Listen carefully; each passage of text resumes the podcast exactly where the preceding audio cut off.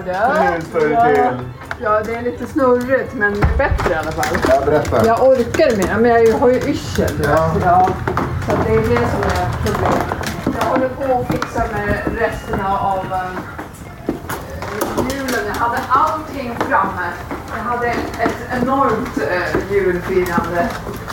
Alla grejer som jag äger. För jag trodde att en av caregiverna hade stulit grejer från mig. Va? Det hade han inte, så det var ju bra. Jag har ju saknat podcasten så mycket. Alltså, jag har tänkt många, många gånger, kanske hundra gånger eller tusen, att jag måste sätta igång igen och göra min podcast. För det var ju ett så bra sätt att kommunicera med en publik. Jag kände att det var det närmaste jag hade nästan eh, för att eh, inte filma, så podcasten den näst bästa. Jag tycker bättre om podcaster än uh, YouTube-videos till exempel. Jag skulle kunna göra det också för jag har ju en YouTube-kanal. Men jag föredrar att prata med dig. tycker det är bäst. Vi bor ju i samma stad du och jag Magnus. Så det hade ju varit lätt att göra. Men man var ju mycket isolerad under pandemin. Jag måste fråga dig, hur påverkade, det, hur påverkade covid-året dig? Vi höll oss väldigt mycket isolerade, Erika och jag. Jag hade ju tur då som hade Erika hemma, så jag var ju inte ensam. Och så hade jag ju då eh, caregivers för mamma. Och eh, mina tre djur, så jag mådde ganska bra under den här tiden då. För jag hade mina nära och kära omkring mig. Det är ju värre för sådana som kanske hade sina eh, anhöriga på long distance. Det måste ju vara väldigt, väldigt svårt. Men det var ju säkert svårt också med eh, Hollywoodfruar lades ner, allt sånt. Jobbmässigt, liksom, hur, hur har det sysselsatt dig? Jobbmässigt var det ju väldigt katastrofalt ju därför att eh, Hollywoodfruar eh, lades ju permanent ner. Och det eh, hade ju varit som en, eh, ja, jag ska inte säga livlina för jag gjorde ju så mycket annat också. Jag har ju spelat in många shower i både Norge och Sverige som inte hade med svenska Hollywoodfruar att göra. Men ändå så var ju den som var det det tyngsta där jag tjänade, ja, jag får ju inte berätta vad jag tjänade, men jag tjänade otroliga pengar på det. det. Och, och när det eh, lades ner så eh, var det ju liksom en chock. Man fattar inte först att det här kommer ju bara vara temporärt. Det här kommer ju inte att liksom vara permanent nu, utan det här kommer väl nästa år så kommer det komma en ny säsong. Men den här nya säsongen kom aldrig.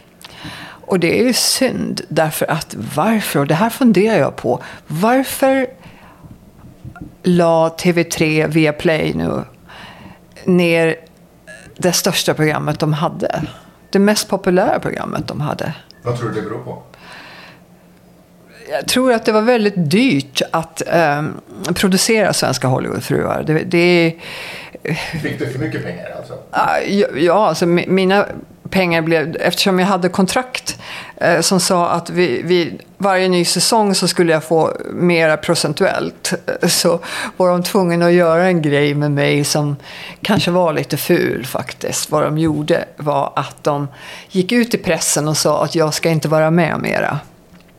Och jag fick inte mina tio episoder som Maria eh, och de andra fick. Utan jag fick bara sex episoder. Och på det viset så kunde de eh, sänka min lön.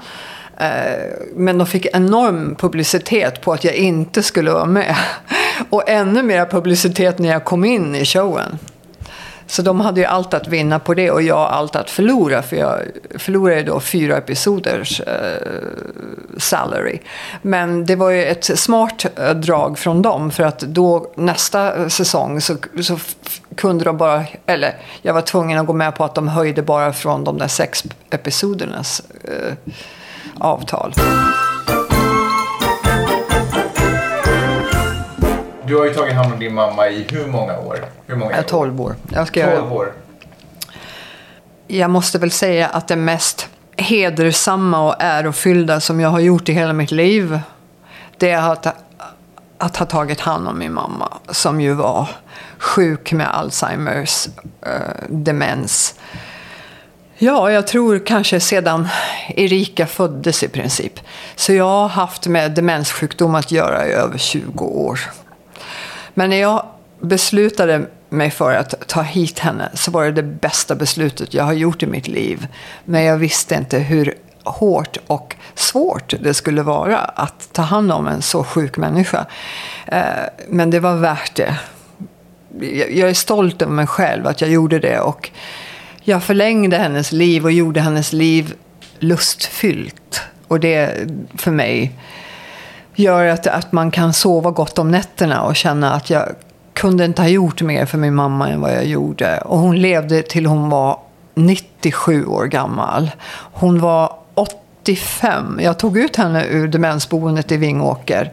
Där hon var inlåst i ett litet rum. Mot sin vilja, mot min vilja. Och jag glömmer ju aldrig den dagen när jag kom fram med Erika som var åtta år gammal. Och hade massor med blommor med mig, för det var ju hennes födelsedag. Och det var tanterna där bredvid och som stod där och ville ha, kan jag inte få blommorna, kan jag inte få blommorna? Och sen sa då eh, sjuksköterskan att eh, det här kommer din mamma inte att klara, för hon är så pass sjuk. Hon kan inte åka till Los Angeles, det är för svår resa. Hon orkar inte med det. hon levde 12 år efter det. Hur länge tror du att hon hade levt om hon hade stannat kvar? Jag tror att genomsnittet för äh, demensboenden i, i livslängd är nog sex månader till ett år högst. Vill du, orkar du berätta om den sista dagen? Ja, den sista dagen var väldigt svår därför att äh, mamma... Visste du att det var sista dagen? Nej, jag visste inte det. Jag, jag, min mamma har ju överlevt så enormt många mirakler skulle jag vilja säga har hänt henne. Och hon har överlevt sådana saker som ingen annan har överlevt. Som läkarna sa att det här är ett mirakel. Och jag sa ja, vi tror på Jesus och vi har honom stå här bredvid oss och hon har vaknat. Ja, men det, det är inte klokt, alltså, det trodde vi aldrig. Liksom. Hon har nästan varit död men ändå vaknade upp och kom hem och fortsatte att leva. Så även den här sista dagen då hon levde så kände jag att nej, hon överlever ändå. Vad hade hänt då alltså? Hon eh, vaknade upp och var inte alls sig själv. Och, alltså, hon kunde knappt se på mig då. Och, och, och, det var ju tecken på att någonting hemskt hade hänt henne. Vi trodde först att hon hade fått ett stroke. Därför att hon kunde inte liksom fokusera blicken, den var överallt och så här. Hon var helt borta. Och hennes vital signs var väldigt eh, out of whack. De var inte bra. Alltså hon uh, hade ju sepsis då. Och, och, men hon har överlevt sepsis tidigare. Och sepsis är ju när blodtrycket sjunker så mycket och alla hennes organ slutar att fungera. Och så men, men, det har hon överlevt tidigare. Så jag tänkte nu överlever hon igen. Det var väl inte bara, inte förrän jag fick reda på att hon faktiskt också hade blivit smittad av covid. En jädra vårdgivare som hade varit här och blivit sjuk. Och jag, hon skyllde på att det var en vanlig förkylning. Sen när jag upptäckte att hon satt och nös där inne i rummet. Det var hon som hade smittat henne och ja, då, då blev man ju väldigt nervös. Och då kom hon direkt upp på intensivvårdsavdelningen. Och eh, läkaren sa till mig så här att Miss Person, sa hon, din mamma är en mirakelmänniska. Därför hon svarar så bra på medicinerna. Och jag tror att hon kan kämpa sig igenom det här också. Och jag, jag, blev så glad. Alltså det, det, här meddelandet fick jag när jag satt hemma då från honom och äntligen fick prata med honom. För jag hade spenderat hela natten på akuten med mamma. Och bara kommit hem på morgontimmarna och sovit några timmar och sen så ringde läkaren och sa din mamma är en mirakelmänniska. Hon svarar jättemycket, jättebra på de här medicinerna hon får och jag tror hon kan klara sig. Och jag skyndade mig väl inte tillbaka till sjukhuset då, utan jag tog min tid och jag eh, tog hand om mig själv lite grann och så, här, men så åkte jag i alla fall och då såg jag ju när, hon kom, när jag kom in i rummet att det här ser ju inte bra ut. För hon, hon hade väldigt liten kontakt med mig och, och kände väl att det här möjligen att det kan vara slutet. Men ändå så trodde jag på vad läkaren sa. Att det kan också hända. Det, det, kan gå vilken väg som helst. Och det har det ju varit många gånger förut. Så tänkte jag nu klarar hon det här. Och jag sa det till henne, mamma du klarar det här. Du är snart hemma igen och det här kommer att bli bra och så vidare. Sen så gick jag ner för att äta någonting på kvällen. Och det ångrar jag ju att jag gjorde. Verkligen. Det... Eh, liksom, jag vaknar upp ibland på nätterna och, och på morgonen så vaknar jag upp och så tänker jag varför skulle jag äta? Jag kan äta resten av mitt liv. Jag behöver inte ha ätit då. För hon dog då när jag var nere i kafeterian.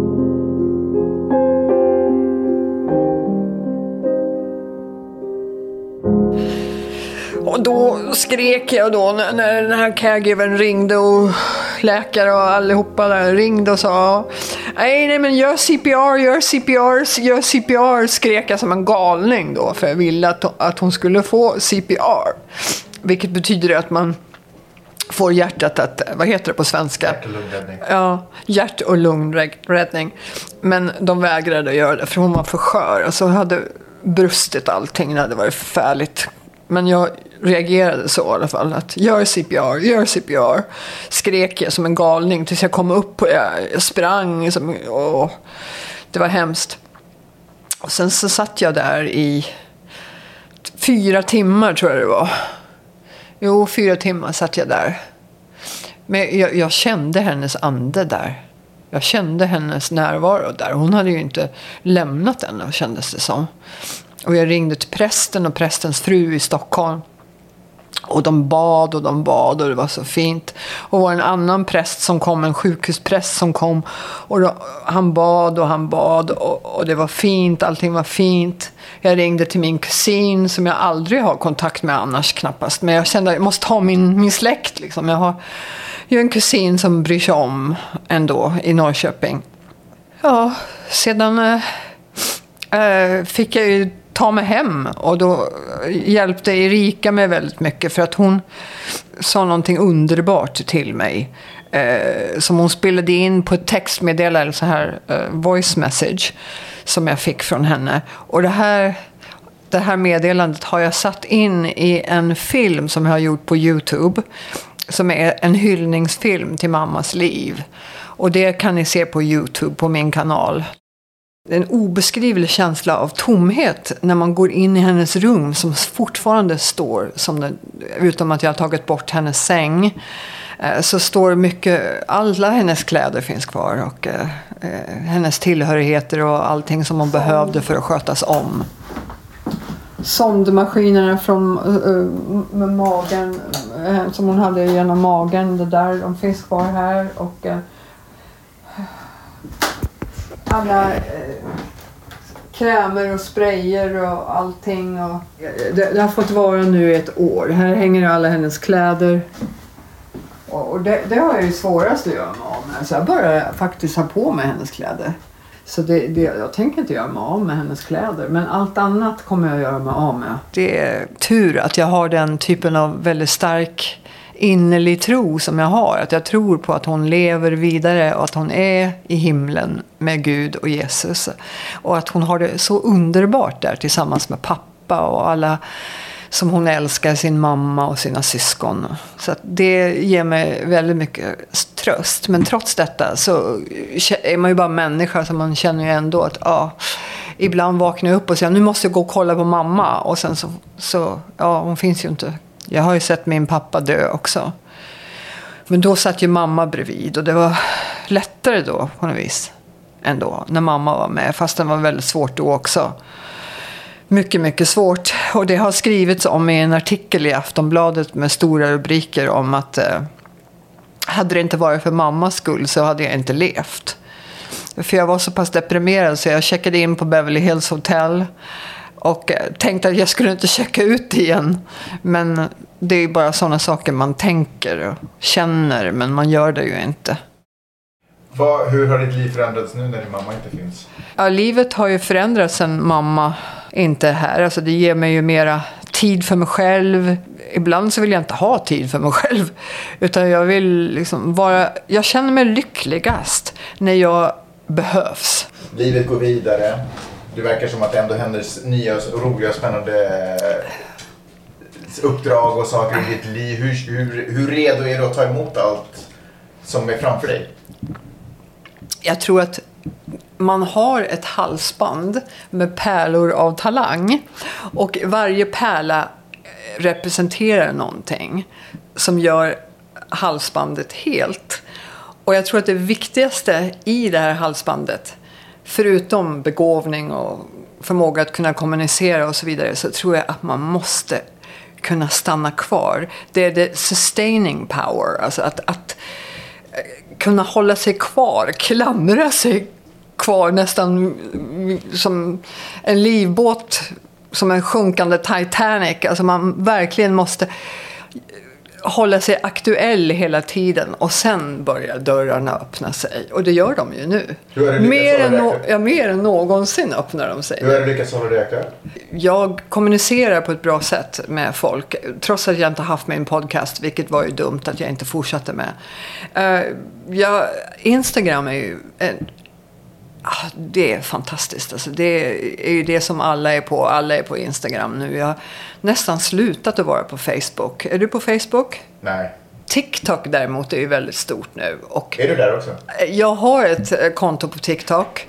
Och eh, Sony Music som jag har signerat mig, skivbolaget Sony Music är ju ansvarig för mig då i Melodifestivalen säger till mig att du måste vara mer aktiv på TikTok. Därför på TikTok har jag tydligen en jätte, jättestor följarskara. Det är alltså många utav de väldigt unga barnen känner inte mig från Svenska Hollywoodfruar för de har inte sett Svenska Hollywoodfruar. Men de har sett mig på TikTok för mina säg, mina sägs har ju blivit så stora som det här var ett mordförsök och allt sånt. Det, det har ju blivit legendariskt så att de här småbarnen tycker att det är roligt. Hur känns det då? Ja, det är jätteroligt för mig. Alltså, jag pratade just med Susanne Nylén som är eh, vår presschef, eller var vår presschef. Och hon har ju små barn och de känner mig. Eh, presschef på Svenska Hollywoodfruar? Ja, presschef på Susanne Nylén på Svenska Hollywoodfruar och eh, fortsätter att arbeta för Viaplay. Hon har eh, tre flickor och de minsta tvillingarna fyllde år. Och de blev så glada när jag skickade en hälsning för att för dem så är jag levande genom TikTok. Och, och de känner mig genom TikTok. Och det tycker jag är jätteroligt. Så naturligtvis ska jag vara aktiv där om, om det krävs. Men du skapar inget eget innehåll på TikTok just nu? Jag har inte gjort det, men jag ska det. Men du har ett konto? Jag har ett konto. Vad heter det? The Gunilla eller? Uh, the Real Gunilla. The Real Gunilla. Om du skulle börja skapa innehåll för TikTok, vad skulle du skapa för någonting då? Roliga saker. Alltså jag, jag, jag, jag tycker om eh, en tjej som heter Alexandra Nilsson. Hon har ju skapat jätteroliga eh, små videos och det där skulle jag vilja kunna göra också. Det ska jag lära mig helt enkelt. För att det, jag, det är alltid roligt och, och, jag är ju komedienn alltså, ute i, i fingertopparna utan att jag vet om det själv. Alltså, men det, många gånger i Hollywoodfruar så har jag gjort roliga saker utan att vilja det. Vilja det. hade ju då under alla dessa år Tusse och Lulle. Tusse lämnade jordelivet när vi var i Sverige senast. I december månad och det var väldigt, väldigt svårt att höra vårdgivaren som bodde här då vi var och gjorde den här presskonferensen. Och det var väldigt mycket skoj och roligt i, i Sverige och sen så fick jag det här samtalet från henne att eh, Tusse inte alls mådde bra. Utan att han knappt kunde gå. Och då sa jag, ta honom direkt till veterinären. Och det var där då som vårdgivaren sa till mig att eh, eh, äh, vi är här inne nu men det ser inte bra ut. De har tagit äh, Tusse. Jaha, va, ja. Så, så ringde veterinären och sa det att äh, han kan inte överleva det här. Ja, men gör CPR igen, så sa CPR. Ja, vi ska försöka med CPR, sa han. Jag ringer tillbaka om tio minuter. Är det så att han inte har vaknat på dessa tio minuter så måste vi låta honom gå. Så då ringde han efter tio minuter och sa att han har lämnat oss. Ja. Och jag vågade inte tala om det för Erika. Utan det var veterinären som fick göra. Han fick, han fick berätta det för henne. Och det var jättejobbiga timmar alltså, innan flyget gick tillbaka till, eh, eh från Malmö till Stockholm. Det, det, det, var inte roligt. Alltså. Det, det, var jättemörkt ett tag. Men sen så tror jag också att det finns ett paradis och en himmel för våra djur. Och det har jag ju sagt på Hollywoodfruar. Jag tror på en himmel för katter. Jag tror på en himmel för våra älskade djur. Och jag tror att vi återförenas en dag. Himlen är ju en eh, fantastisk plats, en blissful place. Där vi alla ska leva lyckliga och vi lever tillsammans med våra djur i evighet. Det tror jag på.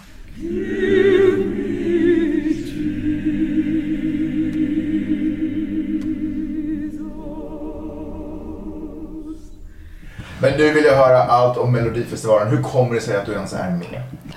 Igen så var det Instagram. Som, jag läser alltid mina DM. Det gjorde jag inte förr i tiden. Men nu läser jag alltid mina DM som jag får på Instagram. Och där kom ett DM från någon som hette Fredrik Andersson. Som ville att jag skulle kontakta honom angående en sång som han hade skrivit om mig. Och då var jag i Norge och spelade in, jag skulle spela in eh, Camp Culinaris som eh, har eh, Start nu den 18 mars. Norrmännen är fantastiska måste jag säga. De slår på stort. Kungen och drottningen hade kunnat bott, bott i den sviten. Alltså så stor och lyxiös var den. den kallades för Svansviten. Den fick jag. Och tyvärr så hade jag bara några timmar på mig att sova. Och så jag kunde inte ligga i det enorma badkaret som var större i mitt kök. Därför att det fanns inte tid. Liksom. Så, men jag hade i alla fall tid att prata med Fredrik Andersson. Och han sa då att när du kommer tillbaka från Oslo så bjuder jag ner dig och Erika till eh, Ystad. Eh, Svarte heter stället. Så då åkte Erika och jag ner till eh, Malmö först och blev upphämtade. Och där så fick jag höra en låt som jag bara svimmade. Jag bara svimmade. Så jag sa det, ah, det här är ju liksom en hit. Och Erika också sa det. Jag sa wow, det här blir en hit. Alltså jag fick bara höra honom spela lite. Han är virtuos på piano. Så han spelade och sjöng lite själv. Liksom. Så då nästa dag, eller samma dag, jag kommer inte ihåg om det var nästa dag eller samma dag. Det kan vara samma dag, jo det kan vara, jo det var det nog. Samma dag så fick han mig att spela in det där. Och igen så var det one take, det Gunilla alltså. Ja, det gick så lätt att spela in den där sången.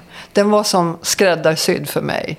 Vad var det med, kan, kan du avslöja något? Jag vet att det är jättehemligt med låten och någonting. Kan du kan du berätta om vad det är för sorts låt? Finns ja. det någonting du kan avslöja?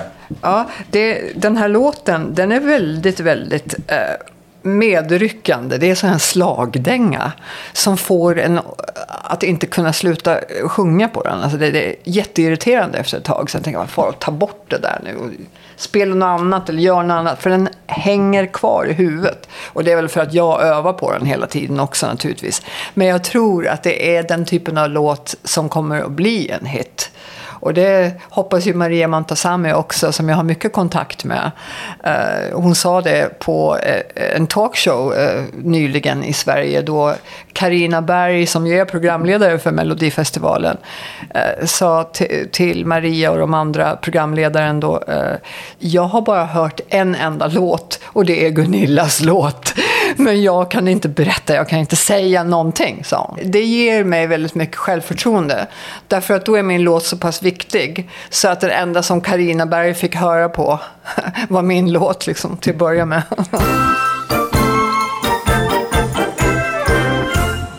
Men det är ju massa andra saker när du ska uppträda där också. Det är ju inte bara att kunna sjunga låten och framföra den. Det är ju säkert dans och koreografi. Hur, hur, känner, hur bekväm känner du dig med det? Jag har eh, övat med fyra stycken dansare. Så här, drop dead gorgeous men. Alltså, så här, som ska, de ville först att, det här kan jag kanske berätta, att, att de skulle vara lite mer avskalade, liksom, lite bara alltså avklädda. avklädda, lite mer avklädda. Men jag sa nej, de måste ha uh, kostym på sig. Eller åtminstone liksom vara klädda. Jo, jag vill ha det. Jag vill ha en, uh, en annan typ av stil på numret. Alltså det, det var ju ingen som diskuterade att det inte skulle vara så. Men, men Eh, jag ville ha en, en, högre stil, high class. För att om ni såg min klänning, ja, igen skulle ni svimma. Alltså, den, den klänningen den går inte av för hackor. den är så vacker och den är specialsydd för mig. Och jag har ju sett videos på den och den är ljuvlig. Alltså, riktigt så här härlig, härlig klänning som kost, måste kosta multum. Jag blev mycket, mycket imponerad av Karina Berg. Hon var förträfflig i den rollen som eh, programledare och rolig och, och ja, väldigt, väldigt eh, talangfull tjej. Och som klippt och skuren som programledare. Det var eh, bra casting. Vilka tror du är dina största konkurrenter? Eller vem? Jag kommer ju inte vinna eh, det här. Alltså, jag kommer ju inte vinna. Så? alltså det är ju, alltså då har jag ju verkligen eh, rätt att säga att det finns stor risk att jag svimmar. Dels därför att jag redan har det här, kanske, jag vet inte om jag har vertigo eller någonting, men jag var inlagd på sjukhuset i fyra dagar för att jag var så yr i huvudet. Och jag är fortfarande ganska yr i huvudet, men det kommer väl inte att leda till att jag svimmar. Men om jag skulle vinna, då skulle jag på riktigt svimma. Därför jag har ju enorm konkurrens. Alltså det här är ju liksom etablerade sångare som inte har gjort något annat med sina liv än att sjunga och uppträda. Och eh, han, den här Kim som är med i min deltävling, han har, för tio år sedan gav han ut en låt som på YouTube har fått 35 miljoner views. Det är hård konkurrens. Och sen har vi ju då många andra som Danny DeCito, Cecido, vad heter han? Alltså jag är dålig på namn, men han i alla fall. Han är jättebra. Men då ligger man ju verkligen lä alltså. Det går ju inte att tävla. Alltså, men, men det kan ju vara att, att själva iscensättningen och den här jätteroliga upplyftande låten gör att man går vidare till finalen. Det är stora möjligheter att jag gör. Vad händer om du åker ut direkt? Ja, då blir man ju ledsen alltså. Jag blir ju som Samir och Viktor, ledsen. Det blir man ju, för man är ju tävlingsmänniska. Och nu tävlar jag i någonting som jag kan kanske eh, gå vidare i. Det är ju värre när jag är på Fångarna på fortet där jag inte vågar göra någonting. Eller, jag ska inte avslöja för mycket, men i andra arenor som jag inte lika begåvad. Liksom. Jag är ju performer, så där kommer ni få en show, det kan jag lova. Ja, det är ju på presskonferensen som jag kände att det här kommer att bli roligt. Därför att kön till mig tog aldrig slut. Den varade i, i timmar. Alltså. Journalister och radiomänniskor och alla möjliga tv-människor som kom fram och, och ville ha då intervjuer med mig. Det, det var ju en härlig upplevelse att se? Det var längre till dig än det var till någon annan? Ja, och här kommer de här jättekända sångerna. Och, och, och så- fick jag då rubriker från den här Tobias som ju är Melodifestival-expert på, eh, vad är det, Aftonbladet. Han eh, skrev en rubrik och så Alla hamnar i skuggan av Gunilla Persson. Då blir man lite glad. Kan vi prata om eh, att du nu har, du har fått vertigo. Vad hände där? Hur fick du det? Jag bara vaknade en morgon av att hela rummet gick runt. Som om jag satt på en eh, båt i storm ungefär. Och det var jätteläskigt alltså. Och det gick ju inte bort heller. För att jag har haft lite känningar av, när jag ligger liksom på vänster sida. Så går rummet, så gungar rummet. Så jag sover bara på höger sida nu. Så jag vaknade en morgon och den här yrseln gick inte över som den har gjort tidigare. Den har alltid gått över. Och sen har jag känt konstigt i ena örat också. Liksom när man har fått vatten i örat. Och det sprakar i örat. Så här. Man måste få bort, man står och hoppar på ett ben för att få bort vattnet i örat. Så har det känts också för mig tidigare. Så jag var inte helt orolig och jag tänkte det här går bort va. Men det gick inte bort på en hel dag. Fram till kvällen, sent på kvällen. Så var det fortfarande eh, där och blev värre. Ja, Erika var ju hemma hela tiden som tur var. Men hon, hon kom på det här att nu åker jag med dig till sjukhuset. Så då gick vi upp här och jag kunde knappt gå. Och svimmade i trappen. Men då ringde hon till ambulansen i alla fall. Då kom ambulansen och hämtade mig. Det är yrsel Men hur ska fortfarande. du kunna uppträda? Det går nog tror jag. För att bara jag är någorlunda utvilad. Och det är långt kvar till uppträdandet. Den 17. Jag sitter här, vad är det för datum idag? Sjätte? Sjätte. Ja, det är ju 11 dagar kvar tills jag ska stå på scenen. Eller ja, 10 dagar. Men innan dess ska du ha Tio repeterat och övat. Ja, jag vet det. Det kommer bli hårt schema. Så jag får bara be till Gud och Jesus hela tiden. Ge mig styrka. Det här betyder också att du inte kan flyga hur som helst heller. Nej, jag eh, måste flyga business class. Jag måste kunna ligga ner i flygplanet eh, och vila mig. Det är svårt att sitta upp annars ändå när man aldrig får sträcka ut sig. Men, men i, i det här eh, stadiet så borde jag ligga ner, säger läkarna i alla fall. Kommer du kunna lösa en sån biljett då? Måste göra. Du lär väl inte missa det här för allt guld i Småland? Jag är väldigt bortskämd med, med business class-biljetter. Det finns inte ett äh, tv-bolag som jag har jobbat för som inte har gett mig business class-biljetter. Äh, så jag är ju bortskämd att flyga bra. Även fast du inte har vertigo? Eh, ja, i vanliga fall under 13 års tid. Kanske första året eller så. Tror jag nog inte att de satsade på mig för då förstod de inte hur, vilken stor tv-personlighet jag är. Jag, vill inte säga stjärna om mig själv. Liksom. Men sen så har jag alltid åkt business och det gör ju Maria också. Jag menar, det är ju liksom... I det här fallet får man ju eh, hoppas på att eh, det löser sig med den delen. Jag har fortfarande inte löst biljett. Därför att jag missade planet. Igår skulle det ha gått. Men eh, det var skönt att man inte åkte igår för gud vilken storm det var. Vad kommer vi få höra nästa avsnitt? Nästa avsnitt har jag tänkt att göra lite liveinspelningar från Växjö.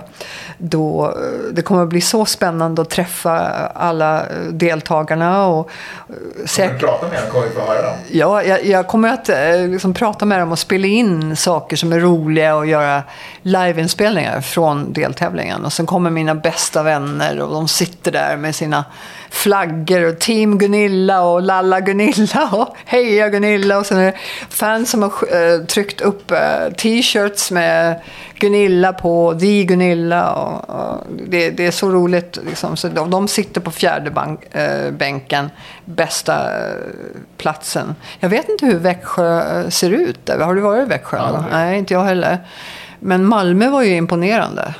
Det är där som själva Eurovision kommer att vara. Jättefin scen. Alltså. Mm. Oj, oj, oj. Du har sett scenen? Ja, jag såg den på TV. Ja, ja, den var ju så otrolig. Och vilken, eh, alltså, jag vet inte hur många människor som ryms där, men det är väldigt stort. Precis som i Stockholm, mm. där finalen går. Det är väl 30 000 människor tror jag. Så uh, om en vecka så befinner du dig i Sverige. Vi får höra behind the scenes när du, står, när du ska kliva upp på scenen för en miljonpublik. Kommer du klara av att eh, också spela in saker när du ska förbereda dig för att uppträda? Ja, jag, jag kommer verkligen eh, lägga manke på att jag, jag, får saker som är roliga inspelade, som är intressanta och spännande och kanske lite avvikande. Det blir det ju för det mesta inspelade. Ska kolla om eh, de som lyssnar också kanske har frågor och eh, sådär, är nyfikna på saker som händer. Så kanske vi kan svara på de frågorna nästa vecka också. Ja, alltså jätteroligt. Om, om ni kan gå in och, och ställa frågor så ska jag försöka hinna svara på dem. Superkul. Tack för det här. Ja, tack allihopa. Har du några avslutande ord? Ja, jag kommer alltid att fortsätta på samma sätt. Tills jag dör så kommer jag att ha det här som mitt motto. Nu ska vi se om jag får det här rätt, för det var länge sedan jag sa det.